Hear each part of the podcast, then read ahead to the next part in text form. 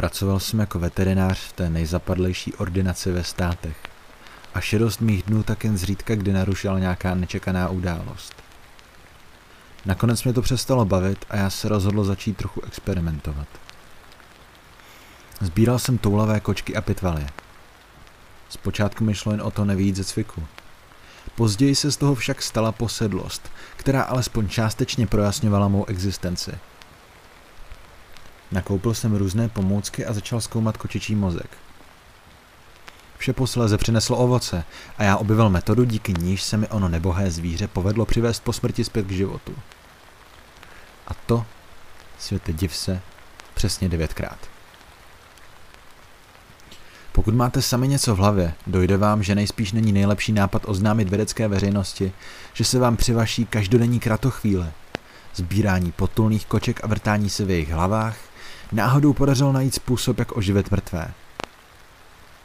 V lepším případě by mě označili za blázna a sadistu, v tom horším by mi odebrali licenci a snad mě i zavřeli za týrání zvířat. Nezbývalo mi tedy nic jiného, než vše vyzkoušet sám na sobě. Protože se ale vlastní mozek operuje dost obtížně, poprosil jsem o to jednoho ze svých kolegů, kterému stačilo dobře zaplatit a on se už na nic neptal. Zákrok dopadl až na nějaké drobnější komplikace nadmíru skvěle a já byl již za několik týdnů opět v plné kondici. Pakliže se tedy vše zdařilo, měl jsem od té chvíle oplývat přesně devíti životy navíc. Ale zkoušet se mi to moc nechtělo. Nesmrtelnost se dá totiž ověřit jen jednou. A pokud se pletete, Jenže vědec ve mně nakonec vítězil a tak se jednoho rána v mém šálku čaje ocitlo, krom cukru i větší množství jedu na krysy. Netrvalo dlouho a já se svíjel v neskutečných křečích. A pak najednou nic. Vše ustalo a já se cítil jako znovu zrozený. Podíval jsem se na hodinky. Návrat do normálu trval jen 15 minut.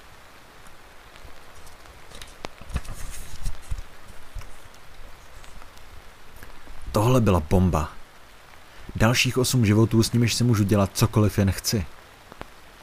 Napadla mě spousta zábavných věcí, nakonec jsem ale místo nich po okolí rozvesil plagáty, na nich stálo. Skočím z té nejvyšší budovy ve městě a nejméně do 15 minut se znovu postavím na nohy.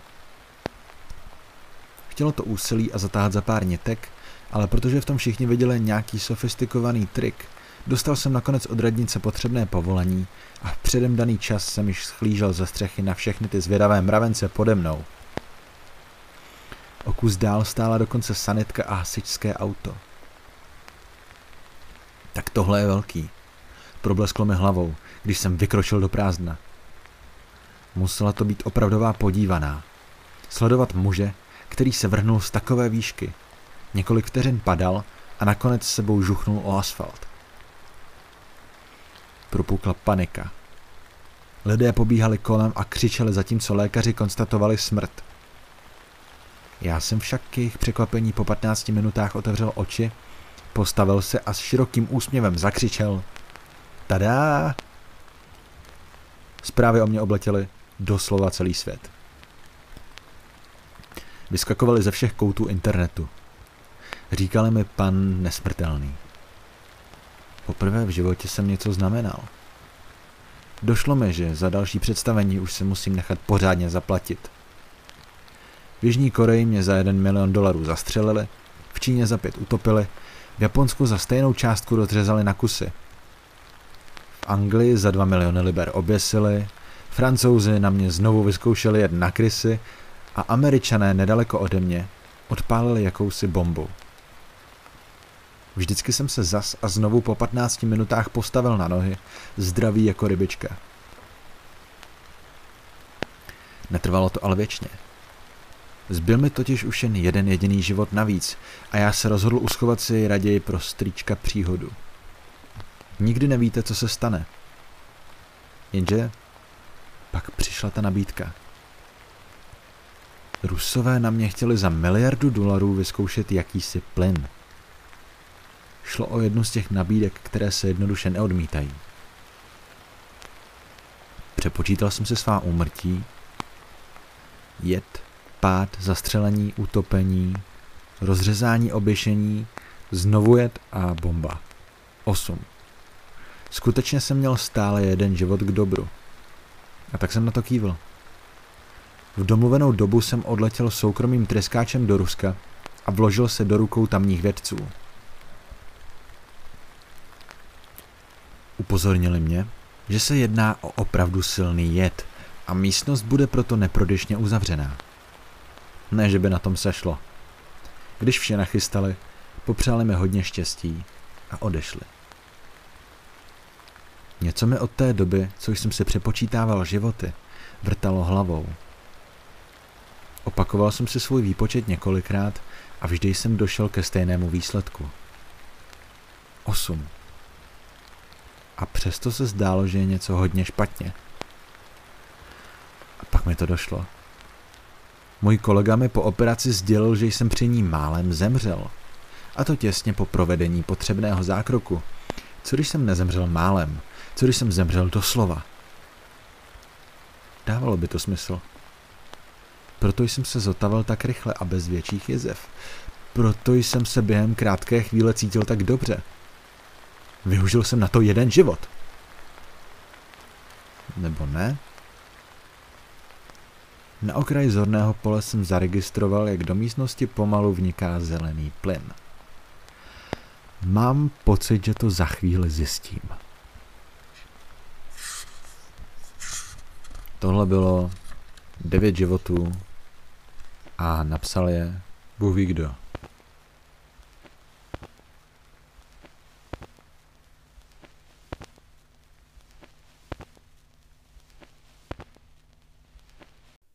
Obchůdek na okraji.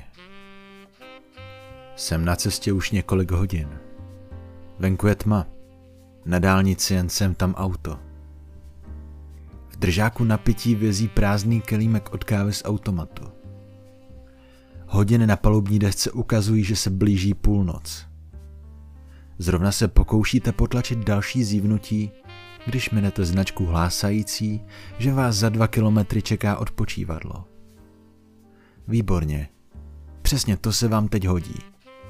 Zanedlouho odbočujete z dálnice na prostorné parkoviště osvětlené několika pouličními lampami. Z jedné strany holamuje kukuřičné pole, z té druhé dálnice, po které jste přijeli.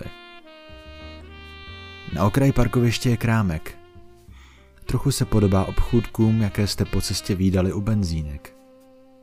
Velká okna, neonový nápis nad vchodem, na rohu šipka ukazující na toalety. Uvnitř se svítí a tabulka vedle dveří hlásá, že je otevřeno 24 hodin denně. Usoudíte, že byste se mohli trochu protáhnout. Ještě vás čeká pár hodin cesty a musíte rozhýbat stuhlé končetiny. Možná, že v tom krámku mají automat na kávu. Napadne vás. Nebo ji tam prodávají čerstvou. Představa voňavé vzpruhy se dvěma cukry vás zavede až ke dveřím. Když vejdete, první, čeho si všimnete, je hudba. Je vám povědomá. Máte tak trochu dojem, že tu písničku hráli v rádiu chvíli předtím, než jste se rozhodli tady zastavit. Rozhodně už jste ji slyšeli, ale pořád vám unikají slova. Světlo uvnitř působí o něco slaběji, než se na první pohled zdálo. Regály jsou poloprázdné, jako by se čekalo na doplnění zboží. Kývnete na postarší prodavačku a začnete hledat automat na kávu. Najdete ho až v, úplně v zadní části obchodu. Je to trochu zvláštní a vy máte znovu pocit, jako by vám přeběhl mráz po zádech. Nepřipadáte si napjatě. Ale stále se vám zdá, jako by vám unikala jakási skrytá pointa tohoto místa. Cestou k automatu si všimnete regálu s čokoládami. Jeden z mírně zašlých barevných obalů vás zaujme. Je to značka, kterou jste si rádi kupovali jako malý. Dnes už se nevyrábí. Bez přemýšlení si jednu vezmete a pokračujete dál. Automat na kávu vypadá staře a jeho tlačítka už byla zmáčknuta tolikrát, že je v každém z nich prohlubeň.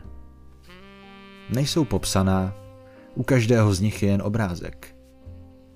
Většina z nich je vybledlá, ale barva tekutiny v nejméně třech z nich vám tak trochu připomíná krev. V jedné je dokonce přimalováno plovoucí oko. Vandalové, usoudíte. Po chvilce váhání vhodíte do automatu pár mincí a zvolíte nápoj, který vypadá nejnormálněji. Stroj se tiše rozhrčí, překvapivě tiše. A za chvíli už ucítíte jemnou vůně kávy. Nebo to byla cítit už předtím? Najednou si nejste jisti. Jedním ochutnáním se přesvědčíte, že se opravdu jedná o kávu a pomalým krokem zamíříte k pokladně. Prodavačka se na vás usmívá. Je to postarší dáma a vy máte pocit, že jste ji už někdy viděli. Kdybyste ale měli popsat rysy její tváře, zřejmě byste to nedovedli. Podáte jí peníze za čokoládu a ona otevře kasu, aby vám vrátila drobné. Z pokladny vyhlíží kuřecí noha a pár očí, přičemž vás napadne, že je to zvláštní pocit být v obchodě takhle pozdě v noci, kdy už tu skoro nikdo není. Prodavačka vám do ruky nasype hrst drobných, nacpete je do kapsy, popadnete do jedné ruky čokoládu a do druhé kalímek s kávou a kývnete ji na rozloučenou. Je čas znovu vyrazit. Jste zase na cestě. Venku je tma, na dálnici jen sem tam auto. V držáku na pití vězí dva prázdné kelímky od kávy z automatu. Hodiny na polubní desce ukazují, že se blíží půlnoc. Autorem povídky vyňaté z 13 děsivých těstovin třetího chodu od Marka Veverky byla Lídie Mikulová. Děkujeme.